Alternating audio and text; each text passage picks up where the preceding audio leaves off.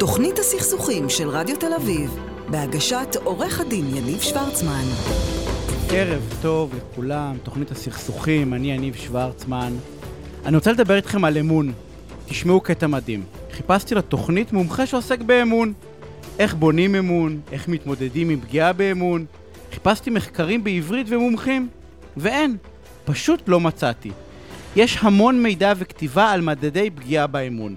כמה לא מאמינים לממשלה, כמה לא מאמינים לתקשורת, כמה לא מאמינים לבתי משפט. בקיצור, מי לא מאמין למי ובאיזה אחוז. אבל מה זה אמון ואיך בונים אמון, או הורסים אמון, כמעט אין כתיבה. בשנה האחרונה, ברוך השם, הייתה פגיעה אנושה באמון שלנו במנהיגים. הכי גרוע שיצא מזה, הוא שאנחנו מתחילים לפקפק בכל מי שמנסה להנהיג אחרת. הנה למשל הרעיון שעלה מייסד אני שולמן אביר קארה אצל אופירה וברקו ביום שישי כל מי ששמע, רעיון שבו יוצא כאילו הוא משתף פעולה עם שר האוצר וראש הממשלה. חוסר האמון התחיל לחלחל עוד קודם לכן, בפוסטים השונים, בתוך הקבוצה של, אה, של השולמנים, שחשדו במניעים שלו. והרעיון עם אופירה וברקו נתנו לאלו שחושדים בו ולא מאמינים לו את האשרור לכל החשדות שלהם. באמת שהפסקנו להאמין. כולם חשודים בעיניים הסקפטיות שלנו. אז הנה אני אנסה לעזור בטיפים למנהיגים החברתיים, הכלכליים והפוליטיים, שאולי, אולי, אולי, אחרי שהם פגעו באמון שלנו, יוכלו לעשות משהו כדי לשנות את זה. קודם כל, אל תנסו לרכך את הפגיעה. אם עשיתם משהו שפגע באמון, או שעלול לפגוע באמון, תגידו את האמת. בדרך כלל מי שמנסה, מי שפוגע ומנסה לרכך את המצב, הוא רק פוגע. גנץ למשל עם השקר של האמת נכונה לשעתה. תגיד, אני חוזר בי ממה שהבטחתי, כי זה נראה לי הדבר הנכון לעשות. אביר קארה, אתה מדבר עם שר האוצר? תגיד מיד. לא בסרטון עוקב, תן בראש, תגיד כן, אני בקשר עם כולם, כי ככה אני מאמין. אסור לנסות להקטין את הפגיעה על ידי התייפייפות, תגידו את האמת, רק את האמת. אחרת גם אם יישארו חצאי אמיתות, שוליים כאלה שבאמת לא חשובים, הם יהיו כחומר גלם למי שרוצה לטעון שאתם שקרנים. תגידו אמת. אל תתקפו. מיד אחרי שתקפו את, את אביר קארה, אז הוא הוציא סרטון תגובה, והגיבו המון המון אנשים של התומכים שלו. זו טעות איומה בעיניי. תקיפה היא הדחף הראשוני. תקיפה גורמת להרחקה ויוצרת את העימות ואת הפילוג האמיתי. תקיפה היא חומר הבעירה לפגיעה באמון. חבקו את הביקורת ותיתנו לה מקום גם אם היא לא צודקת. מנהיג אמיתי צריך להניח את הטלפון שלו על השולחן בלי לחשוש ממה שיש בו. ברקוביץ' עשה תרגיל מהמם בעיניי. הוא לא סתם ביקש את הטלפון, קודש הקודשים של הפרטיות של בן אדם, והוא ביקש להציץ בהודעות.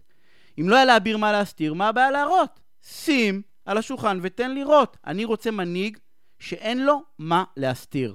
ואחרון חביב, זה שמראה אם יש כיסוי להבטחות של המנהיגים שלנו, ובאמת אם אנחנו יכולים להאמין להם. אם היה מגיע סוחר אליכם, לדירה שלכם, והיה אומר לכם, תנו לי לגור בדירה שלכם, בלי הסכם, בלי ערבויות, אני ממש בסדר, אתם יכולים לסמוך עליי. האם, האם הייתם נותנים לו מפתח ולגור בדירה שלכם?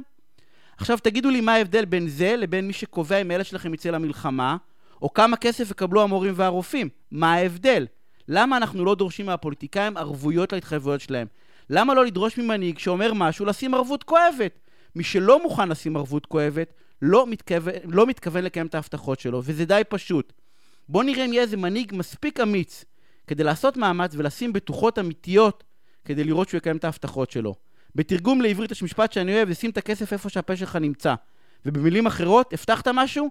תן ערבות אמיתית שתקיים את מה שהבטחת. הערב הולכת להיות תוכנית מרתקת ומהממת, אנחנו הולכים לדבר על צבא מהקבר, האם אני יכול לשלוט במה יעשו עם הכסף שלי אחרי שאני אלך לעולמי, האם נתערב לילדים ברביצה שלהם על הסלון במהלך החופש הגדול, איך עושים שיחה קשה, איך מודיעים למישהו הודעה שהיא הודעה קשה, האם כדאי להגיש תביעות בלשון הרע או שכל העולם הזה הוא קצת פיקציה? ונמשיך עם הפינה הקודמת אה, שמדברת על איך אנחנו מונים סכסוכים עסקיים. ורגע לפני שאנחנו אה, מתחילים, אני רוצה להודות לאלעד נבו שנמצא על התפעול הטכני ולענבר סולומון שעורכת ומפיקה, והנה אנחנו מתחילים. תוכנית הסכסוכים של רדיו תל אביב, בהגשת עורך הדין יניב שוורצמן. ולפינה הראשונה נמצאת איתי עורכת הדין עדי חן, מומחית בדיני משפחה, ירושה, גירושין, יו"ר ועדת זכויות הילד בלשכת עורכי הדין. אהלן, עדי. היי יניב, מה שלומך? נהדר. תשמעי, אנחנו הולכים לדבר הערב על uh, צבא מהקבר. Uh, אני שומע יותר ויותר אנשים uh, חושבים לעשות את זה, אז בואו קודם כל נסביר למאזינים מה זה צבא מהקבר. כל צוואה היא צוואה מעכבת. לא, הצוואה שבו אני, לצורך העניין, דרך, דרך, הצוואה, למרות שאני מת, אני שולט באופן מוחלט, אני אקרא לזה בכל מיני תנאים, איך אני הולך לקבל, איך אני הולך לחלק את הכסף שלי. כל צוואה היא שלטון של המת על החי. כל צוואה היא המת מדבר אלינו, והמת, והמת מבקש ואנחנו צריכים למלא את הרצון שלו. השאלה עד איזה גבול ועד איזה אה, זמן, זה- פה יש לנו הגבלות. לשם כי כל צוואה היא. שלטון של המת. או, אז אה? אני אומר, לשם אני רוצה לקחת את זה. אוקיי. האם בצוואה את ממליצה, לצורך העניין, להגיד שאני אתן את הכסף שלי רק אם הילדים שלי יעשו ד- דוקטורט? תראה, בכל צוואה, כעיקרון, עורך דין שמתמחה בענייני צוואות וירושות, ישקיע הרבה זמן וישמע מהלקוח את סיפור חייו ומה הוא רוצה, ויציע לו הרבה מאוד חלופות. לכן, זה תחום שבעיניי מחייב התמצאות והתמחות. עכשיו, לרוב כשאני כותבת צוואות, אני באמת משתמשת בתנאים. השאלה, כשאנחנו מדברים על שלטון המת על החי, השאלה איזה תנאים אנחנו מקבלים אותם. אז מבחינתי יש תנאים שהם סבירים. למשל, כשאתה אומר, אני רוצה שהבן שלי יעשה דוקטורט, אני מאוד אוהבת את זה, אני מאוד אוהבת ללמוד, אבל יש, יש ילדים שלא אוהבים ללמוד. אז אם אתה נותן לאדם שהוא סובל מ, מבעיות למידה וקשה לו ומציב לו תנאי בלתי סביר, זה, זה לא בדיוק אה, משהו שאפשר לממש אותו. מבחינתי, צריך להשתמש בצוואה ככלי כדי להבטיח עתיד כלכלי טוב לאחר הפטירה. ואני אגיד לך במה, על איזה נקודות אני באמת הייתי שמחה לשים דגש. תראה, למשל דירת מגורים, כשיש לנו אלמן או אלמנה שנשארים בחיים, ויש לנו גם ילדים, אז ברור שאם הדירה מתחלקת למספר יורשים, כולם בעלים בנכס. ויש כאלה, ואנחנו שומעים את זה הרבה, יניב מי כמוך יודע, שאחד הילדים רוצה כאן ועכשיו לממש את הזכות שלו. הוא רוצה את החלק שלו, יש לו שמינית מהבית, הוא רוצה עכשיו את השמינית. אבל מסכנה האלמנה או האלמן, אין לו כסף לשלם לו. אז פה, אם לא תכתוב איזשהו תנאי מתאים בצוואה, הלך על אותו אלמן. למה? כי אפשר להגיש תביעה לפירוק השיתוף, ומי כמוך יודע שאין הגנה לתביעה כזאת. זאת אומרת, לפרק את כל השיתוף ב, ב, בבית, בדירה, ולמכור את הדירה בשוק החופשי, ואז להתחלק בכסף. ופה אתה בעצם פוגע בתנאי המחיה של האלמן או האלמנה. לכן אני מאוד נוהגת להוסיף תנאים של זכות מגורים.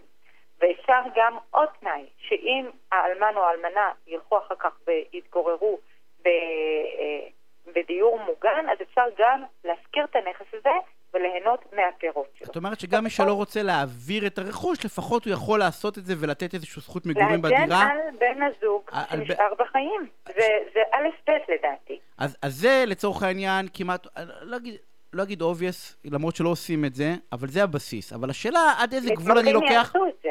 אוקיי. השאלה, עד איזה גבול אני לוקח את, את היכולת. שלי, לש, או בכלל כדאי, לשלוט במה אה. יעשו בכסף שלי. זה לא רק מה, מה יעשו בכסף, בהחלט, אם אני רוצה שהכסף הזה ילך למטרות של אה, הקמת משפחה, לסייע בחתונה, לסייע בלימודים, לסייע בפתיחת משרד, אז כל הדברים האלה, אני יכולה להוסיף אותם בצוואה, והרצון הזה יכובד, הרי בן אדם, זה, זה הקניין שלו. הוא זה שיקבע איך ינוהל הכסף שלו, וצריך לכבד אותו.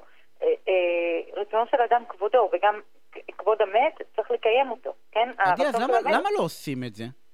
אני לא מכיר? תקשיב, אני לא, אני, לא עוסק, אני לא עושה צוות כמוך, אבל אני סתם מה-common knowledge שלי, בסדר? מהידע הכללי שלי, רוב האנשים עושים צוואות שאני נותן את הכל לאשתי, או לבעלי, או לא משנה, ומה שנשאר ליורשים, אבל, אבל אנשים לא עושים את, את יודעת, תראה, צוואות שלא כאילו מושקע אומרים, מה, אני הולך להאמין שיעשו עם הרכוש שלי מה שהם רוצים. לא, ואני בא אז- ואומר, אני יכול להגיד להם לא, אני מקים קרן, שאולי לימודים לנכדים, ואולי, אז- אה, אני יודע, כל מיני דברים. אחרים. על זה רציתי, א', צוואות לא טובות הן צוואות שמפרנסות הרבה מאוד עורכי דין, והעלות של ההליכים אה, היא מאוד מאוד גבוהה. עכשיו, כשיש לי ילדים שהם יורשים, אז אני נוהגת באמת לא- להקים קרן בגוף הצוואה, ולתת הוראות לקרן הזו. במהלך החיים של הילדים, עד גיל מסוים, אה, יש השקעות, נניח בלימודים, ברווחה וכולי. ואז להעביר להם את הכסף או את הבעלות בנכסים מגיל 25 ואילך. כי אז הילדים הם יותר רציניים, יותר עצמאיים, יודעים יותר להשתמש בכסף. או כך למשל דוגמה אחרת, אתה רוצה לתת לבן שלך. עכשיו, אנחנו, עורכי הדין, אני למשל, אני עוסקת בתחום הירושות והגירושין. אני חיה מתיקים כאלה, אוקיי? נושא הגירושין הוא לא משהו שהוא זר לי. אז מאוד חשוב להוסיף סעיף בצוואה, שהקניין, שהרכוש עובר לקשרי אדם, כי אין לך ערובה או בטוחה שבני הזוג תמיד יחיו בשלום. יש סבירות, לפחות 30 אחוז שהם יתגרשו. אז מאוד חשוב להגן על הקניין הבין-דורי. זאת אומרת, על הרכוש שמועבר לב... מהסבא לילד, לנכד. זה דבר שהוא obvious מבחינתי. לוודא לצורך העניין שזה מגיע ישירות ל, ל, לילד שלך. לקשרי אדם. ו- אני, ו- זאת, זאת, זאת הדעה שלי, אבל בוודאי לא צריך לשכוח את בן הזוג. או את בת הזוג, כן צריך להבטיח אותו, זה לא שאני אומרת... מה זאת אומרת לא לשכוח? בעיניי, קודם כל זה, ש... את יודעת, בעיניי לפחות, קודם כל זה שלו, כן? כאילו... לא, מה ששייך לבן הזוג מכוח הנישואים... שלו, זה ברור. שניהם רכשו דירה במאמץ משותף, ברור שחצי נשאר למי שנשאר בחיים, והחצי השני הוא העיזבון שמתחלק. ברור, כן? עכשיו עוד דבר, כשיש לנו למשל נכס ואנחנו רוצים למכור אותו ויש לנו אחים שהם יורשים, אז חוק הירושה לא קובע זכות קדימה כמו למשל כשבני זוג רוצים למכור את דירת המגורים, אז אם אחד מבני הזוג רוצה לקנות והוא מציע את המחיר הכי גבוה, אז יש לו את הזכות לקנות אותו, זה קבוע בחוק. חוק הירושה לא קובע משהו כזה, ולכן מומחה לדיני ירושה, הוא יקבע את הסעיף הזה בגוף הצוואה. עכשיו בואו, אם כבר, אם כבר אנחנו I, מדברים I... על תנאים כאלה, סליחה? היית הולכת עוד צעד אבל? מעניין אותי. כאילו, את באה ואומרת בוא להסדיר את האישה, בן בת זוג, לא לצורך העניין, והילדים, היית הולכת גם צעד נוסף שבא ואומר, אני מקצה סכומים מסוימים למטרות מסוימות? אני, כן. למשל, נכון, כשיש אנשים שיש להם, והחלק שלהם שפר בחיים, אז בהחלט, יש אגודות, יש... אה, לא, לא, לא, אני מדבר, אני מדבר אפילו על הנכדים, כאילו, אני בא ואומר, אני למשל... לא ראיתי או לא נתקלתי, נתקלתי בהרבה סכסוכים של צבאות, אבל לא נתקלתי למשל בסכסוך שרצו להקים קרן לנכדים למשל. או, או אני יודע, או רצו להקים, או שההורים אמרו, תשמעו, אנחנו נותנים לכם uh, כסף, אבל רק לצורך קניית בית. זה לא... דבר שבשגרה אצלי. כן? כי בדרך כלל אני משקיעה הרבה זמן ומחשבה על איך יתנהל הכסף לאחר הפטירה, ואיך אותו לקוח רוצה לראות הכסף שלו מושקע ולאיזה מטרות. אז כן, בהחלט זה חלק מהצבעה. אבל בואו ניקח אותך קצת ככה לצהוב קצת, כי שאלת על איזה תנאים וכמה אפשר שרוח הרפאים תשלוט והיד של המת תשלוט מתוך הקבר, אז אני אתן לך כמה דוגמאות שימחישו את הדברים. קדימה. יש לך למשל אדם שהיה מאוד מאוד עמיד, וקבע בצוואה שאשתו, האלמנה, תירש את כל הרכוש שלו, ואחריה הילדים, אבל אם היא תתחתן שוב, אז היא אה, מפסידה את הכל. ואז היא התחתנה 16 שנה אחרי שהוא נפטר, ואז קמו הילדים והגישו התנגדות וביקשו את כל הירושה בחזרה. בית המשפט אומר במקרה הזה, היה מספיק שיקבע במשך חמש שנים שהיא לא תתחתן, אבל 16 שנה זה מעל ומעבר. יש לך גם צבאות שאתה, שאתה אה, רואה הוראה שאם הבן שלי יתחתן או יתאלמן, חס וחלילה, אוקיי? אה, אז הוא יוכל לקבל את הכסף. או אה, אתה רואה הוראות, למשל, אה, אם הנכד יגיע ויחיה בישראל. זה למשל משהו שהוא חוקי.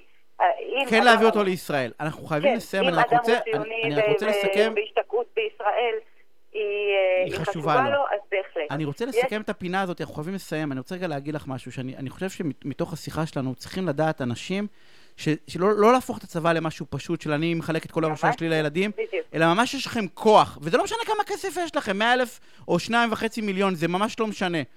יש לכם כוח להחליט מה אתם עושים עם הכסף גם אחר כך, בסדר? אתם יכולים לשחרר אותו, אבל אתם יכולים גם לכוון אותו. אבל בגבול גם. אבל בגבול. וצריך לעשות את זה בחוכמה. עדי, אנחנו חייבים לסיים, אני רוצה להודות לך על השיחה הזאת. תודה. ומצטרפת אליי שרית מאיר, יועצת משפחתית, מדריכת הורים ומרצה בתחום ההורות והיחסים במשפחה. אהלן, שרית. אהלן, יניב. מה העניינים? הכל טוב. יופי. לך? אני נהדר.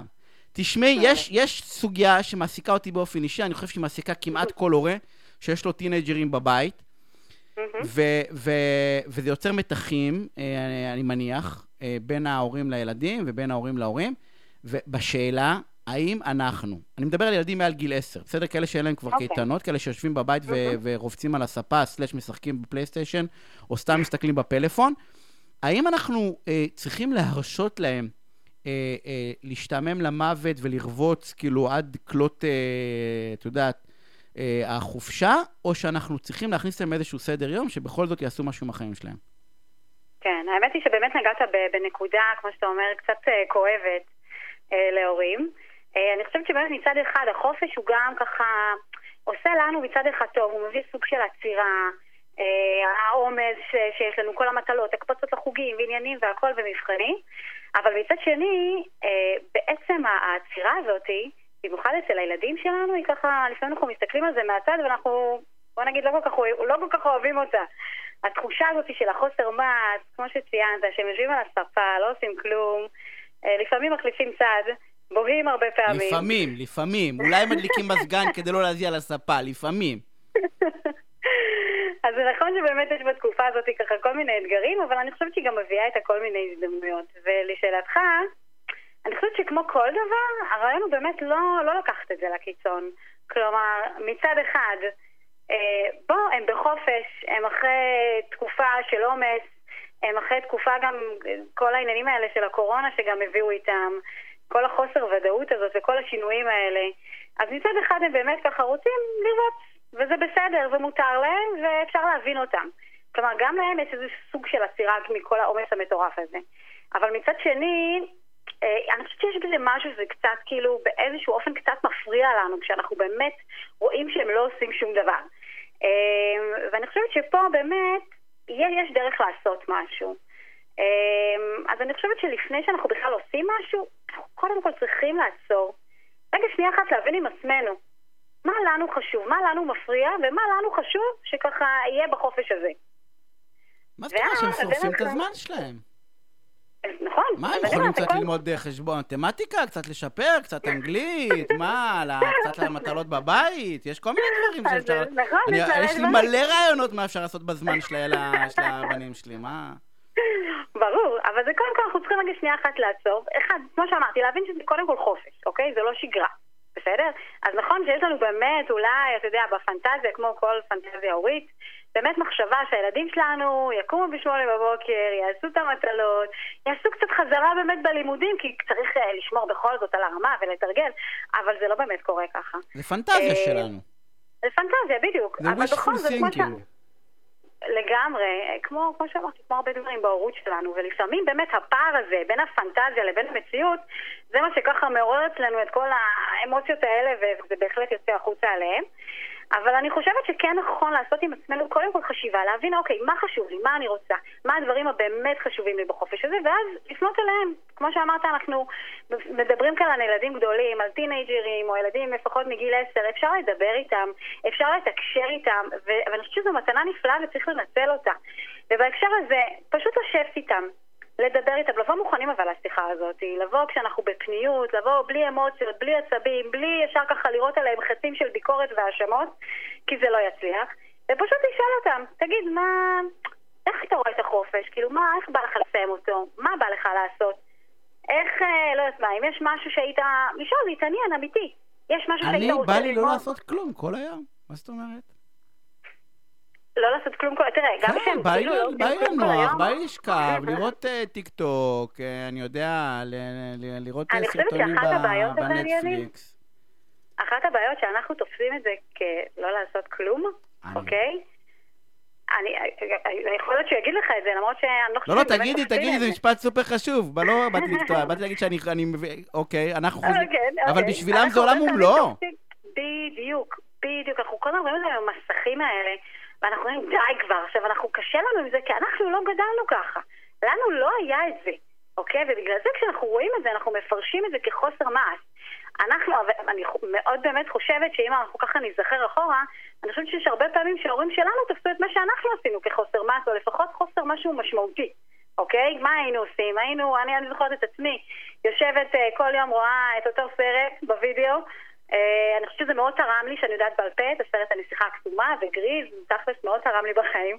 או לחילופין היינו יוצאים ומסתובבים בחוץ עם, ה- עם החברים, וגם אז ההורים היו באים אלינו בטענות שאנחנו לא באמת עושים משהו. אבל אני, אני חושבת שבאמת אחד מהתפקידים שלנו זה כן קצת ככה לכוון אותם. ואם אנחנו באים ממקום באמת מתעניין, אמיתי, אוקיי? מקום שבאמת בא, לא בא כדי להאשים אותם ולהטיף אותם, כי אז אנחנו לא, לא נזכה להקשבה, ובטח שלא נזכה לשיתוף פעולה. אבל אם אני אשאל, תגיד, מה, מה מעניין? אם, אם היית יכול עכשיו ללמוד משהו, משהו שלא קשור ללימודים, משהו, היית רוצה ללמוד איזושהי מיומנות חדשה, לא יודעת מה, לרכב על רולר בליידס, אה, לדעת לערוך סרטונים, ללמוד להכין אה, צמות מיוחדות לבנות יותר אולי, אולי גם לבנים, אבל באמת לשאול ולראות מה אולי כן מעניין אותם, לשאול אולי מה איזושהי מטרה ברמה האישית שהם רוצים להציב לעצמם, וכן, גם על הדרך, אחרי שהם יגידו לנו, אנחנו גם קצת להם את הלימודים, כאילו להגיד, אוקיי, מה, איזה מקצוע היית חשוב לך לתרגל או ככה, כן... או לפחות להגיד שלי זה חשוב, זה גם בסדר, אוקיי? כשאנחנו מנהלים שיח ודיאלוג, כמו בכל דבר, אתה בטח יודע את זה, כשאנחנו עושים את זה בצורה שהיא מכבדת, אז יש שם שיתוף פעולה. כלומר, אם אני אבוא ואם אני אקשיב לילד שלי, יש לא- סיכוי מאוד לא- גבוה שאתה יקשיב. אם לא יראה פקודה. בדיוק. אוקיי? עכשיו, כן אני חושבת, אפרופו סדר יום, שכן, תראה, ילדים צעירים זקוקים לסדר יום. ילדים בוגרים פחות צריכים את זה. אבל כן חשוב, מה שנקרא, לשים שם כמה עוגנים, אוקיי? שזה משהו שצריך להגיע להסכמה לגבי מתי הם מתעוררים בבוקר, מתי הם הולכים לישון. אה, אפשר נגיד, בכל מה שקשור למסכים, כן לשמור על העוגנים שהיו גם בשגרה, שזה אומר, אה, לצורך העניין, לא במיטה, כאילו לא כשהולכים לישון, ולא, ולא בזמן הארוחה. אה, וכן חשוב אולי להכניס קצת ספורט, אה, קצת פעילות גופנית. אנחנו חייבים לסיים. אנחנו נסיים בעוגנים. אוקיי. וזו סוגיה הרי שאנחנו נדבר עליה המון. ובשורה התחתונה, מסר להורים, תשחררו. בסדר? בקטנות, תנסו, נקרא לזה, לחבק את המסגרת ולהביא דברים שחשובים לכם, אבל, אבל תשחררו. אנחנו היינו עצלנים, ולצורך העניין, לא, לא יודע אם עצלנים, אבל אנחנו כאילו... אנחנו גם חיכינו לזמן הזה, גם כן, אנחנו כן. רצינו, גם אצלנו זה לא נראה כמשהו מאוד ארוך וזה, זה היה אז אותו דבר הילדים, רק אחרת. אנחנו חייבים לצאת לפרסומות. שרי, תודה רבה. תודה אה, רבה. שערב מהמם, אנחנו פרסומות וכבר חוזרים. תוכנית הסכסוכים של רדיו תל אביב, בהגשת עורך הדין יניב שוורצמן. טוב, ואנחנו uh, חזרנו, ויש לי אורח מיוחד. אחרי שנה, uh, אני שמח לארח את אבא שלי. Uh, פרופסור פסח שוורצמן, אני אציג אותך קודם כל. מנהל היחידה לטיפול פליאטיבי, המרכז הרפואי סורוקה, יו"ר איגוד, אה, האיגוד לרפואה פליאטיבית. אה, אהלן אבא, מה נשמע? אהלן בן, מה שלומך? בסדר גמור, לא, אני לא אקרא לך פרופסור פסח שוורצמן, בכל זאת, או פסח, זה נראה לי קצת מוזר, אבל תשמעו, למה הבאתי את אבא שלי? אני, אה, רוב הסכסוכים מתחילים בשיחה קשה. אנחנו בדרך כלל מבשרים למישהו משהו קשה. אני רוצה להתגרש, אני הולך לפטר אותך, אני רוצה לסיים התקשרות אחרי הרבה מאוד שנים uh, במערכת העסקית, ובדרך כלל אנחנו לא יודעים לעשות את השיחה הקשה הזאת, כי אף פעם לא לימדו אותנו לעשות שיחות קשות, בש... אני לפחות. בשום מקום שהייתי עד היום, דרך אגב, אני עוסק בסכסוכים, ואני לא יודע לעשות שיחות קשות, זה נורא מביך, זה נורא לא נעים. Uh, והחלטתי ללכת למקום הכי קשה, בעיניי לפחות, בעולם על שיחות, uh, uh, שיחות, הודעה, איך מודיעים הודעה קשה מהעולם הפליאטיבי. אז קודם כל, בואו בוא, בשני משפטים, מה, מה, זה, מה, זה, מה זה אה, רפואה פליאטיבית? שאנשים ידעו למה בחרתי ללכת לעולם הזה. רפואה פליאטיבית זאת הרפואה שבעצם מטפלת אה, בחולים ממחלות חשוכות מרפא אה, או מחלות קשות כמו סרטן, מחלת שרירים ניוונית, מחלת ריום כרונית מתקדמת, ספיקת מתקדמת, שב... אז הרפואה הזאת עובדת עם הצוותים אה, בעיקר על מתן איכות חיים, הקלה על סימפטומים ב... ותמיכה במשפחה. ש... שבעצם למעשה, אני אהיה קצת אה, אה אולי ציני, אין בשורות טובות בתחום הזה. אה, הקלה... לא, הקלה כן, אבל אני בא ואני אומר, זה לא... מישהו שלא יכול לנשום ואתה מקל עליו... אני לא, אני לא, אבל אני אומר... זה ברור, לא, אני לא אומר שאין תוצאות טובות, אני בא ואומר, אבל בדרך כלל זה אנשים ש... שהולכים לסיים את חייהם באיזשהו שלב אה, אה, אה, לא רחוק. ואתם מתעסקים כל הזמן הרי באיך מודיעים לאנשים אה, אה, הודעות קשות, אוקיי? אה, באיזה, באיזה מצב המחלה, או כל מיני דברים של... אה, של אה, אה. איך, איך עושים את זה? איך עושים את הדבר הנורא נורא קשה הזה? יש כאילו, אני בטוח שיש כללים. מה, מה הכללים שבהם אני עושה שיחה קשה? האמת שהנושא של מסירת בשורה מרה היא סוגיה שנכונה דרך אגב לכל הרופאים, לאו דווקא לרופאים פליאטיביים. אבל בגדול מסירת בשורה מרה זה אומר שאתה הולך למסור למישהו מידע אה, בסופו של דבר ישפיע עליו ועל משפחתו, על ראיית העתיד שלו, על איך ייראה מעכשיו העתיד. אה, וכמו שאתה אומר, זה לא תמיד נראה עתיד ורוד. אה, ואכן יש כללים, אנחנו, הכללים האלה, אנחנו מלמדים אותם גם סטודנטים וגם את המתמחים שלנו. אה, כשיש כמה שיטות, תמיד יש קיצורים, אז יש שיטה שאנחנו קוראים לה ספייק, למשל, שבו הדבר הראשון שחשוב זה תבחר מקום או setting ששם אתה מודיע. זאת אומרת, אנחנו לא מודיעים לאנשים בפרונטור, אנחנו בדרך כלל נכנסים לחדר, אנחנו אמורים לסגור את הטלפונים שלנו ולדאוג שלא יפריעו. אנחנו מסדרים את הכיסאות ככה שנוכל לראות את המטופל או את בן המשפחה שבא איתו. אמ, ובעצם אנחנו מסדרים את הבמה מבחינת מקום ומבחינת עיתוי. אז, קודם כל לסדר את המקום. אז מקום, להודיע, מקום יש, טלפון דרך אגב... אם אתה הולך להודיע למישהו שלמשל אתה הולך לפטר אותו, אז כדאי שלא תצעק את זה עליו בפרוזור. או אל תעשה את זה אצלו בחדר. כן, אז, אז קודם כל לדאוג לדבר הזה. למקום ולעיתוי. אחרי זה בדרך כלל, אנחנו בדרך כלל כשאנחנו מדברים... מה, זה, מה זה עיתוי, כאילו? מבשרים את זה מיד, כאילו? זה כמו פלסטר? לחכות, לא, ל- לא, ל- לתת להם ללכת רגע וכאילו, כי הם יודעים שקורה משהו. לא, אתה בדרך כלל, אה, אם, אתה, אם אנחנו מדברים על מטופלים, אה, אני אקח את העולם שלי ולא את העולם שאתה כרגע מדבר עליו, אז אתה בדרך כלל אה, שואל את החולה, אתה קודם כל משוחח איתו, שואל מה שלמה, שואל אה, מה, מה, מה, אני מבין שעשו לך כל מיני בדיקות, אה, מה, מה סיפרו לך עד עכשיו, זאת אומרת, אתה רואה איפה הוא עומד מבחינת המידע שיש לו, ואחרי שביררת איפה הוא עומד מבחינת המידע שיש לו, אתה שואל, אתה אה, שואל, מבקש ממנו רשות, אם אתה יכול להזמין אותו לדבר, ואם, ודרך אגב, אתה גם שואל אותו אם הוא רוצה לבוא לבד, אם זה נוח לו עכשיו לדבר כרגע על, על מה שאנחנו הולכים לדבר, או שהוא מעדיף שנחכה למשל לבן שמגיע כרגע מהצפון. אמ, אז אתה מבקש רשות אה, אחרי שסידרת את זה. ואז אתה מספק לו את המידע. ותוך כדי שאתה מספק לו את המידע, אתה יחד עם זה אה, רואה ומגיב לתגובות. זאת אומרת, אני מבין שלא ציפית שכרגע המצב של המפעל יהיה כזה קשה ונצטרך להפסיק את העבודה שלך. אתה אומר את האמת, אבל אתה אומר את האמת. אחד כאילו, הדברים שאנחנו יודעים... האמת כאילו הכי קשה, או, שכאילו, או שאתה נותן את האמת במנות. אתה אומר המצב קשה, ואז אחרי נניח אה, כמה ימים אתה אומר אתה הולך למות, או... סליחה שאני כאילו קצת בוטה. או שכאילו אתה, אתה, או שאתה בא, אתה, אתה, אם אתה יודע, אתה אומר ישר הכל. לא, אתה בדרך כלל, אתה, עוד פעם, אה, אה, קודם כל אתה מדבר עם החולה ואז אתה אומר לו, תשמע, אנחנו, למשל, נניח שעשינו לחולה צילום והצילום נראה רע ואנחנו חושבים שיש לו סרטן. אז, אז אתה אומר, אני, אתה, אני מבין שאתה יודע שעשינו לך בדיקה, כמו שאמרתי, אתה שואל האם הוא שמע מה, מה יתר הבדיקות, והוא אומר לך, ואז אתה אומר, תשמע, בבדיקה שמצאנו זה לא ממש נראה טוב. אה, האמת שזה נראה כמו סרטן.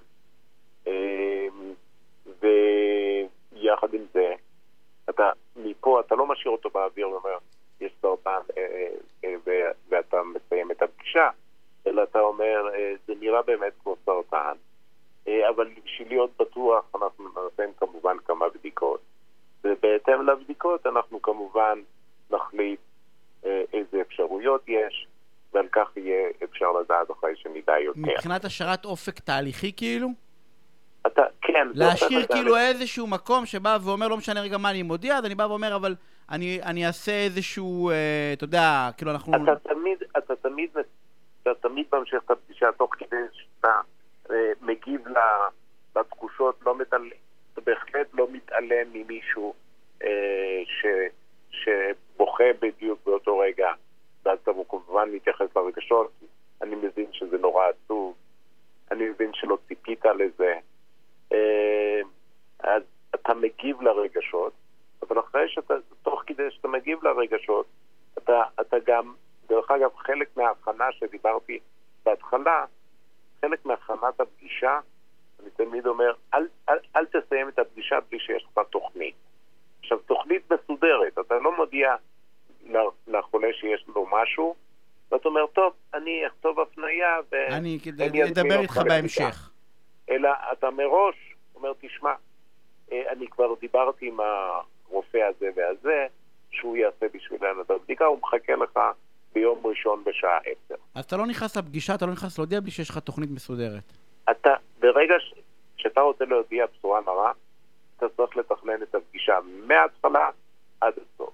לא רק זה, אתה צריך להיות מאוד מצוי בחומר. זאת אומרת, אם לא, אה, במקרה, בעולם שלנו, אני לא נכנס בפגישה בלי שעברתי על כל התיק עוד פעם, אף על פי שאני יודע אותו בעל פה, כדי שאני אדע כל פרט. הרבה פעמים, דרך אגב, אפרופו פתיחה, שאלת אם ישר אתה יורה הכל, אז לא, אתה לא יורה את כל המידע מההתחלה, אתה, אתה יכול להתחיל גם, בוא תספר לי כרגע על, על עצמך, כי אני מכיר את התיק הרפואי שלך, אבל אני לא יודע איפה אתה גר וכמה ילדים יש לך ומה אתה עובד.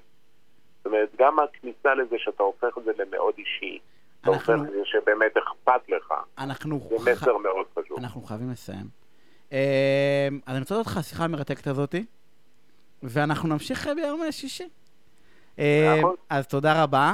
אה, ונמצא איתי על הקו עורך דין אלישי בן יצחק, בעלים של משרד עורכי דין ומרצה לדיני לשון הרע במרכז האקדמי שערי, שערי מדע ומשפט, אהלן אלישי, מה העניינים? בסדר גמור. נתקע לי האהלן הזה, האהלן לא יצא לי, לא יצא האהלן. תשמע, אנחנו הולכים לדבר על לשון הרע, ואני רוצה רגע לקפוץ, כי אנחנו, אה, אתה יודע, קצרים בזמן. תשמע, אני, אה, אה, שוחחנו קצת בבוקר על, על כל נושא הלשון הרע, אני רואה מלא מלא אנשים ששואלים בכל מיני קבוצות של עורכי דין, ובכלל, אתה יודע, בפייסבוק מעלים שאלות על... הפכנו לעם רגיש קצת. האם כדאי לתבוע תביעות לשון הרע? ואני רוצה שאתה תיתן לי, אתה יודע, אתה מתעסק בלשון הרע. ואנחנו מדברים, אתה יודע, על אנשים, אני אקרא לזה רגילים, לא מפורסמים ולא בעלי תפקיד, אלא, אתה יודע, אנשים רגילים, אני אקרא במרכאות כפולות, שמשהו השכן אמר עליי, המורה אמרה עליי, השותף שלי אמר עליי, לא משנה. אנשים שאתה יודע, חווים ביום-יום כל מיני השמצות, ויש מלא. ואני שואל אותך אם כדאי להיכנס בכלל להליך משפטי בנושא הזה. אז קודם כל, כל הסוגיה של לשון הרע היא סוגיה מאוד מאוד חשובה. חשוב לנו לשמור על כבודו של האדם, חשוב ששמו של האדם לא ייפגע, כי אחד מהנכסים החשובים באמת שיש לאדם זה שמו, וזו המטרה בעצם של החוק. אבל, וכאן אתה עשית הבחנה מאוד מאוד מעניינת, אה, ואתה התחלת, מה שנקרא, לפלח את הדברים. ואחד הנקודות שבאמת אנחנו צריכים לבוא ולשאול את עצמנו, כאשר אנחנו רוצים להגיש תביעת לשון הרע, זה לא האם באמת הדברים עולים כדי לשון הרע. כי ההגדרה לפי החוק היא הגדרה מאוד מאוד רחבה. ואפשר למעשה להכניס את הכל. המחוקק גם כן דאג שיהיה סעיף סל, שאת הכל תוכל להכניס אם תרצה. אלא מאי? שלא כל דבר בסופו של, דבר, בסופו של יום הוא יהיה גם כן בר פיצוי. ואם מישהו חושב שבאמצעות זה שהוא יגיש כרגע תביעה בעילת לשון הרע, בגלל שהשכן קרא לו שהוא כך וכך, או בגלל שאימא של השופט עוסקת במקצוע כזה או אחר, או כל דבר אחר, זה לא זה. זה לא המקום. ההפך, חבל על הכסף. חבל, חבל על הכסף, כי בסופו של דבר, מי שמנסה לעשות כסף מלשון הרע, ועוד פעם, אני מדבר על רוב התביעות, אני לא מדבר על תביעות של אנשים ידועים, אני בא ואומר, לא צריך לעוף על השם שלנו, שמנו חשוב, והכל נכון, אבל אתה יודע, אם, אם מישהו בוועד הבית רשם עליי שאני זה שמשאיר לכלוך בחצר, וזה שקר וכזב, והוא פגע בי, ב, אתה יודע, פגע בי פגיעה ונעלבתי עמוקות, אז גם אם זה לשון הרע, ההליך המשפטי לא מצדיק את זה, נכון? כאילו, העלויות של ה... לגמרי, לגמרי, לגמרי, לגמרי. זה ממש נכון, וההבחנה והדברים שאתה אומר הם ממש אה, מדויקים. בסופו של דבר, אתה צריך לקחת בחשבון, והרבה פעמים מתבלבלים. החוק קובע פיצוי סטטוטורי. כלומר, במקרים מסוימים, במקום לבוא ולהתעסק, כמו במשפט נזיקין רגיל, בהוכחת הנזק, החוק קובע אה, אה, סעיף, סליחה, סך של פיצוי של 50 אלף שקל במקרה רגיל, ואם אתה מצליח לזהות כוונה תחילה, אז מכפלה של הסכום. אני משתמש בכוונה בסכומים למרות שהחוק הוא קצת אה, אה, קובע הצמדות וזה יותר מהסכומים האלו, אבל בואו ניקח בשביל המתמטיקה הפשוטה, 50 ו-100 אלף שקל. הרבה פעמים אדם שנכנס לעידן היום של האינטרנט ומחפש מה אני יכול לקבל מלשון הרע בגלל אותו ועד בית שהשמיץ אותי על כך שאני מותיר את הזבל מחוץ אה, לכניסה ולא שם אותה בתוך הפח אשפה ואני מגלה 50 אלף שקל. הוא רואה צ'ק, הוא רואה צ'ק, אבל זה גם מה שעורכי דין לפעמים, הוא רואה צ'ק של 50 אלף שקל.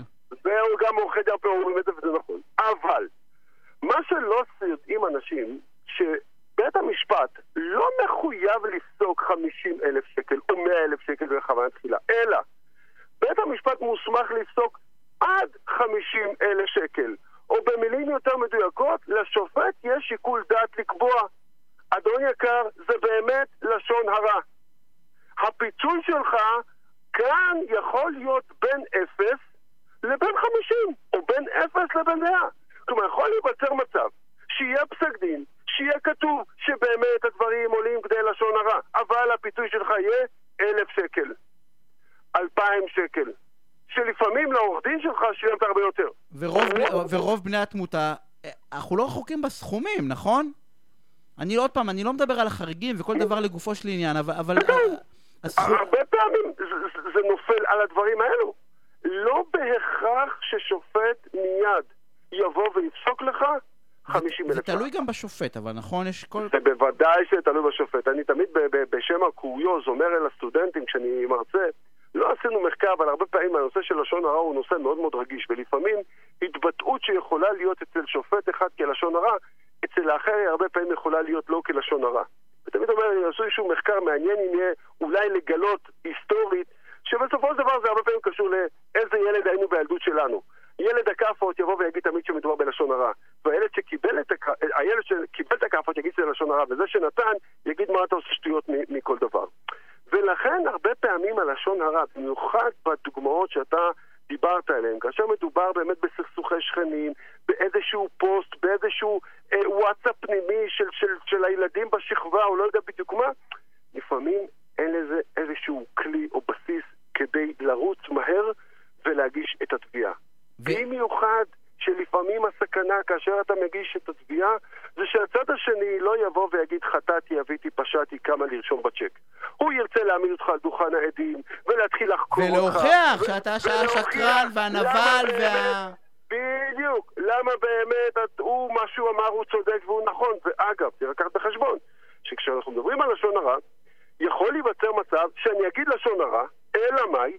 שאז החוק מקנה לי אפשרות לבוא ולטעון טענות הגנות, טענות הגנה, שבמילים אחרות, יכול להיות שבית המשפט יגיד כן זה לשון הרע, אבל עומדת לי ההגנה של אמת דיברתי, או הבעת דעה, או כל דבר אחר.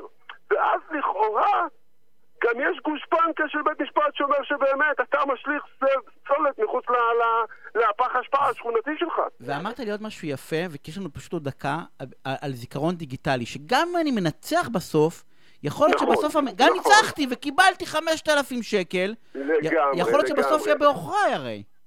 לגמרי. היום בכלל בעידן הדיגיטלי, הגשת תביעות צריך לקחת בחשבון, אה, אה, היום הכל מוקלד, היום הכל סרוק, באבחת אה, בלחיצת מקלדת אתה יכול לזהות בדיוק מה עשית כשהיית בגיל 20. אה, אצלנו אולי זה קצת יותר מסובך, אבל אצל הילדים שלי זה יהיה הרבה יותר מורכב. כל דבר קטן, כל, תבנ... כל, כל תביעה, כל כתבה, כל ידיעה, כל תמונה נכנסת אל תהומות האינטרנט ותמיד יוכלו לשלוף ולמצוא ולהעלות לך את זה וזה מתועד וזה קיים. והוא הדין לגבי פסקי דין שיגידו שבאמת אמרתי לשון הרע או שהדברים הם נכונים ומדויקים וזה לא לשון הרע ותמיד יוכלו לשלוף לי את זה ותמיד אני אומר, הרבה פעמים אנשים, אתם לא יודעים בדיוק מה ילד יום יכול להיות שמחר, כאשר אתם תרצו להגיע לאיזשהו משהו בחיים שלכם ישלפו לכם את אותו פסק דין אה, הזוי על כך שמישהו כינה אתכם או העליב אתכם או, או, או לא יודע בדיוק מה והתחילו כולם לבוא ול, ולדקדק אנחנו חייבים לסיים, אלישי. אז uh, אני רוצה להודות לך. אני רק רוצה להגיד טיפ מש... לאנשים. טיפ. משפט, משפט. במשפט. לאנשים הפשוטים, במקום לבזבז כסף על עורכי דין, קחו את המשפחה לחופשה, יהיה לכם הרבה יותר כיף. תשכחו את הלשון הרע. יש המון תודה שערב מהמם, פרסומות וכבר חוזרים. תוכנית הסכסוכים של רדיו תל אביב, בהגשת עורך הדין יניב שוורצמן. וחזרנו. נמצא איתי עורך דין יגאל בורחובסקי, מגשר בכיר, בורר בכיר, יו"ר ועדת יישוב סכסוכים הארצית, גישור ובוררויות של לשכת עורכי הדין. אתה תיתן לי רגע לסיים? יגאל, תיתן לי, אני מבזבז זמן, אין לנו זמן. מייסד המשרד בורחובסקי ושות', אתה כל פעם מפריע לי במשפט, ואתה גונב אחרי זה 20 שניות, ואחרי זה אנחנו מתלוננים שלא נגמר לנו הזמן. מה העניינים? בסדר גמור, מה שלומך? נהדר. אנחנו מתחילים ישר, אה, יש לנו הרבה דברים לדבר עליהם. קודם כל ראיתי שפורסמה כתבה בגלובס. שלך ושל יו"ר לשכת עורכי אה, הדין, אה, עורך דין... אה, התבלבלת בסדר, של יו"ר לשכת עורכי הדין ושלי. אני, כבודו מונח במקומו, אבל אה, אה, כן, ופרסמתם מאמר שמדבר על, אה, אני חושב ש... על, על גישור, פ, אני לא יודע אם זו פעם ראשונה שיו"ר לשכת עורכי הדין מתייחס ככה לאופן הגישור, אבל בוא תספר לנו רגע על הכתבה ועל ה... על המהות שלה, בעיניי זה חשוב. אנחנו נמשיך את פרק ב' של שבוע שעבר, ובעיניי זה, זה, זה שווה את ההשקעה. זה קודם כל צעד אה, של מנהיג, אה, ראש לשכת עורכי הדין, שקורא לציבור הרחב לפתור סכסוכים בהסכמה. בהסכמה ישירה, בגישור, בכל דרך. אה, אנחנו כעורכי דין, יש לנו תפקיד. התפקיד שלנו לעזור לאנשים לפתור בעיות, לא לייצר בעיות ו- ו- בעיות. והנה יש לך מפי הגבורה, מפי ראש לשכת עורכי הדין שאומר, חברים, משבר הקורונה זה הזמן לפתור סכסוכים בהסכמה. אחד עם השני, דרך עורכי דין, בגישור.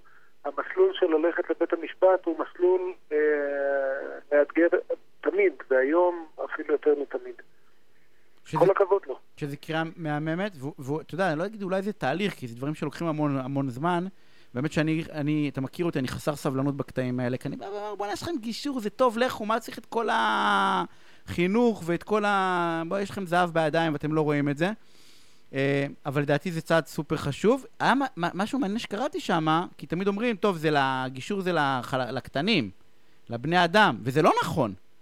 בארצות הברית אה, הבנתי שהחברות הגדולות, לצורך העניין, או הגדולות ביותר, כאילו לקחו על עצמם כמעט מנדטורית את תהליך הגישור. נכון, נכון, הם חתמו על אמנה, דווקא הגדולים, אלה שיש להם הכי הרבה כסף לריב, יותר מארבעת אלפים התאגידים הכי גדולים בארצות הברית חתמו על אמנה אחד עם השני במקום לבזבז זמן וכסף על uh, מלחמות בבתי משפט, שבארצות הברית זה עוד יותר יקר מאשר כאן. Uh, אמרו, רגע, קודם כל גישור חובה כדי לוודא שממש, ממש, ממש, אבל ממש לא הצלחנו לפתור את העניין בהסכמה. אם הצלחנו הסכמה, הסכמה לא מוצלחת, זה יותר טוב מאשר uh, פסק דין מוצלח. שזה, שזה צריך, דרך אגב, זה, זה, זה צריך להיות הדגל, כי אתה יודע, תמיד אומרים שזה כאילו גישור זה למי שאין כסף. לא, לא, להפך. דווקא אלה שיש להם כאלה ש... המון כסף, מבינים את הערך של הדבר הזה. אז, אז לגמרי קריאה אה, סופר חשובה, ואני מקווה שבאמת מתחיל איזשהו תהליך. אני רואה, את ה... קודם כל אני רואה את הוועדה ב... בלשכה שלך ושל אה, קבוצה גדולה מאוד של אנשים אה, טובים שעושים, ואולי... אה, אולי אנחנו באמת נתקרב לאיזושהי תקופה, אתה יודע, שרגע לפני שאנחנו מפעילים את הכלים, נשב כוס קפה שעתיים, ונראה אם אנחנו מסוגלים לפתור את זה ב... לגמרי. אה, בשיחה. לגמרי, וזה טוב לכולם. אתה יודע, זה טוב, לפעמים אה, עורכי דין חופפים ייקח קצת... אה, זה לא טוב לעורכי דין. להפך, זה טוב גם לעורכי הדין. גם עורכי הדין לא מרוויחים מסכסוך ארוך שהם מבזבזים עליו ים שעות, שאי אפשר לגבות כסף מהלקוח הרבה פעמים על עבודה ראויה. זה טוב לכולם לקבל בעיה. אני אתפרץ, יגאל. ללמוד אותה לעומק. אני אתפרץ, כי אני חושב, אני חושב שאחת הבעיות הגדולות זה שהמכשול להליך הגישור הוא עורכי הדין. ולמה? כי אתה מבין את זה, וקבוצה גדולה מאוד של אנשים מבינים את זה, אבל אם אני עורך דין, נגיד קטן, עצמאי, יש לי משרד, ובא אליי מישהו, ואני, אתה יודע, ואני אגיד לו, בוא נלך לגישור, אז אני לא יכול לגבות ממנו לפחות על כתב תביעה את ה-7,000 שקל, 10,000 שקל, ווטאבר. ויש פה איזשהו ניגוד, לא נעים להגיד, אבל יש פה איזשהו ניגוד עניינים כמעט מובנה בתוך הפרוצדורה הזאת. לא- שאולי, לא שאולי גישור חובה... תן לי לספר, תן לי לספר לך סיפור. יש עורך דין, אני לא אגיד את השם שלו, אבל הוא נחשב היה מהכי מיליטנטים שיש בישראל. הגיע אליי לגישור ראשון אי שם לפני אה, שש שנים, אני חושב, ומאז היה אצלי עשרות גישורים. באיזשהו שלב שאלתי אותו, תגיד, אתה הנחשב מהכי מיליטנטים שיש, מה, מה קרה? הוא אמר, תראה, אני, אני שיניתי דיסקט. אני פעם חשבתי שהתפקיד שלי כעורך דין זה ללכת עד הסוף, ועד הסוף, בסוף, הלקוחות לפעמים לא מרוצים, אני בדרך כלל לא מרוצה כי היה פסק דין, אני לא מצליח באמת אה, בתור עורך דין קטן ש... שהוא לא של הטייקונים, אני לא מצליח לגבות את הסכומים שצריך לגבות כדי להשקיע מאות שעות שצריך בהליך. ככה אני מבין שיש לי בעיה, אני נכנס בה לעומק, עושה כמה שבועות אינטנסיביים, ואני בא אה, לקישור ופותר את הבעיה. המשרד שלי הפך להיות יותר רווחי בגלל זה, לא ההפך. משרד, ק... משרד קטן? משרד קטן? משרד קטן. אוקיי. אה, לפני שש שנים הוא היה one man show, היום כבר יש לו עוד שלושה. אה, גם את עורכי דין זה משרת, ואת הצדדים זה, זה משרת פי כמה וכמה, הם פשוט לא מבינים, לא מבינים על, על בשרם את החלופה הרבה פעמים. נכון, כי אתה לא, אתה לא מבין את העונש, את ה... באמת, כן, כאילו כמה... אה, קל, קל זה לא הכסף, זה לא כן, הכסף. אה, אין לנו, יגאל, אין לנו את בית לוינשטיין של המערכת המשפטית. אתה יודע, הרי כן. לוקחים בני נוער לבית לוינשטיין כדי לראות את התוצאות של לנהוג אה, ולשתות, ואז אתה... ואז אתה יודע, או. לא, אין לנו את הבית לוינשטיין, ואנשים לא מבינים שאין לי דרך לא בוטה להגיד את החוויה המשפטית, אבל, אבל זה, זה חרא, באמת, זה כאילו, זה איום, איום ונורא. הליך משפטי לאנשים, לא, אנחנו מתפרנסים, אתה יודע, עורכי הדין מתפרנסים, וזה נהדר, והולכים, ועושים מה שעושים, וזה בסדר. אבל אנשים עוברים שם גיהנום לא קטן, רגשי. תראה, אני, אני, לא, אני לא רוצה להגיד איום ונורא, כי זה יישמע כביקורת על מערכת המשפט הישראלית. לא, לא אני קשור. זה, זה לך- מערכת, אבל זה מערכת מיליטנטית, בלי קשר. זה נכון לגבי כל אני מקום בעולם. רציתי בדיוק את זה להגיד, שמגיעים אליי עורכי דין מלונדון ומאירלנד ומניו יורק ומאיטליה ומאיפה לא, ובכל מקום אומרים לי, תשמע, אצלנו זה יקר, זה עולה הרבה, ובסוף לא יודעים מה תהיה התוצאה. וצדדים שמגיעים ממקום של כאב, וצדדים פרטיים בדרך כלל מגיעים ממקום של זה, מבטיחים שלאורך כל שנות ההליך הם, הם יסבלו. את זה הם מבטיחים בלי שום קשר לתוצאה. יסבלו בשאלונים. בתצהירים, בחקירה, בלא לישון, ב... ויגידו עליהם דברים לא, לא טובים, והם כמה וידברו אליהם לא יפה. ושוב את הטראומה, זה, זה נורא. זה נורא. בסוף אם אבל- אתה לא מצליח, אה, אתה, לפעמים אין ברירה וחייבים למצות את התהליך המשפטי תומו.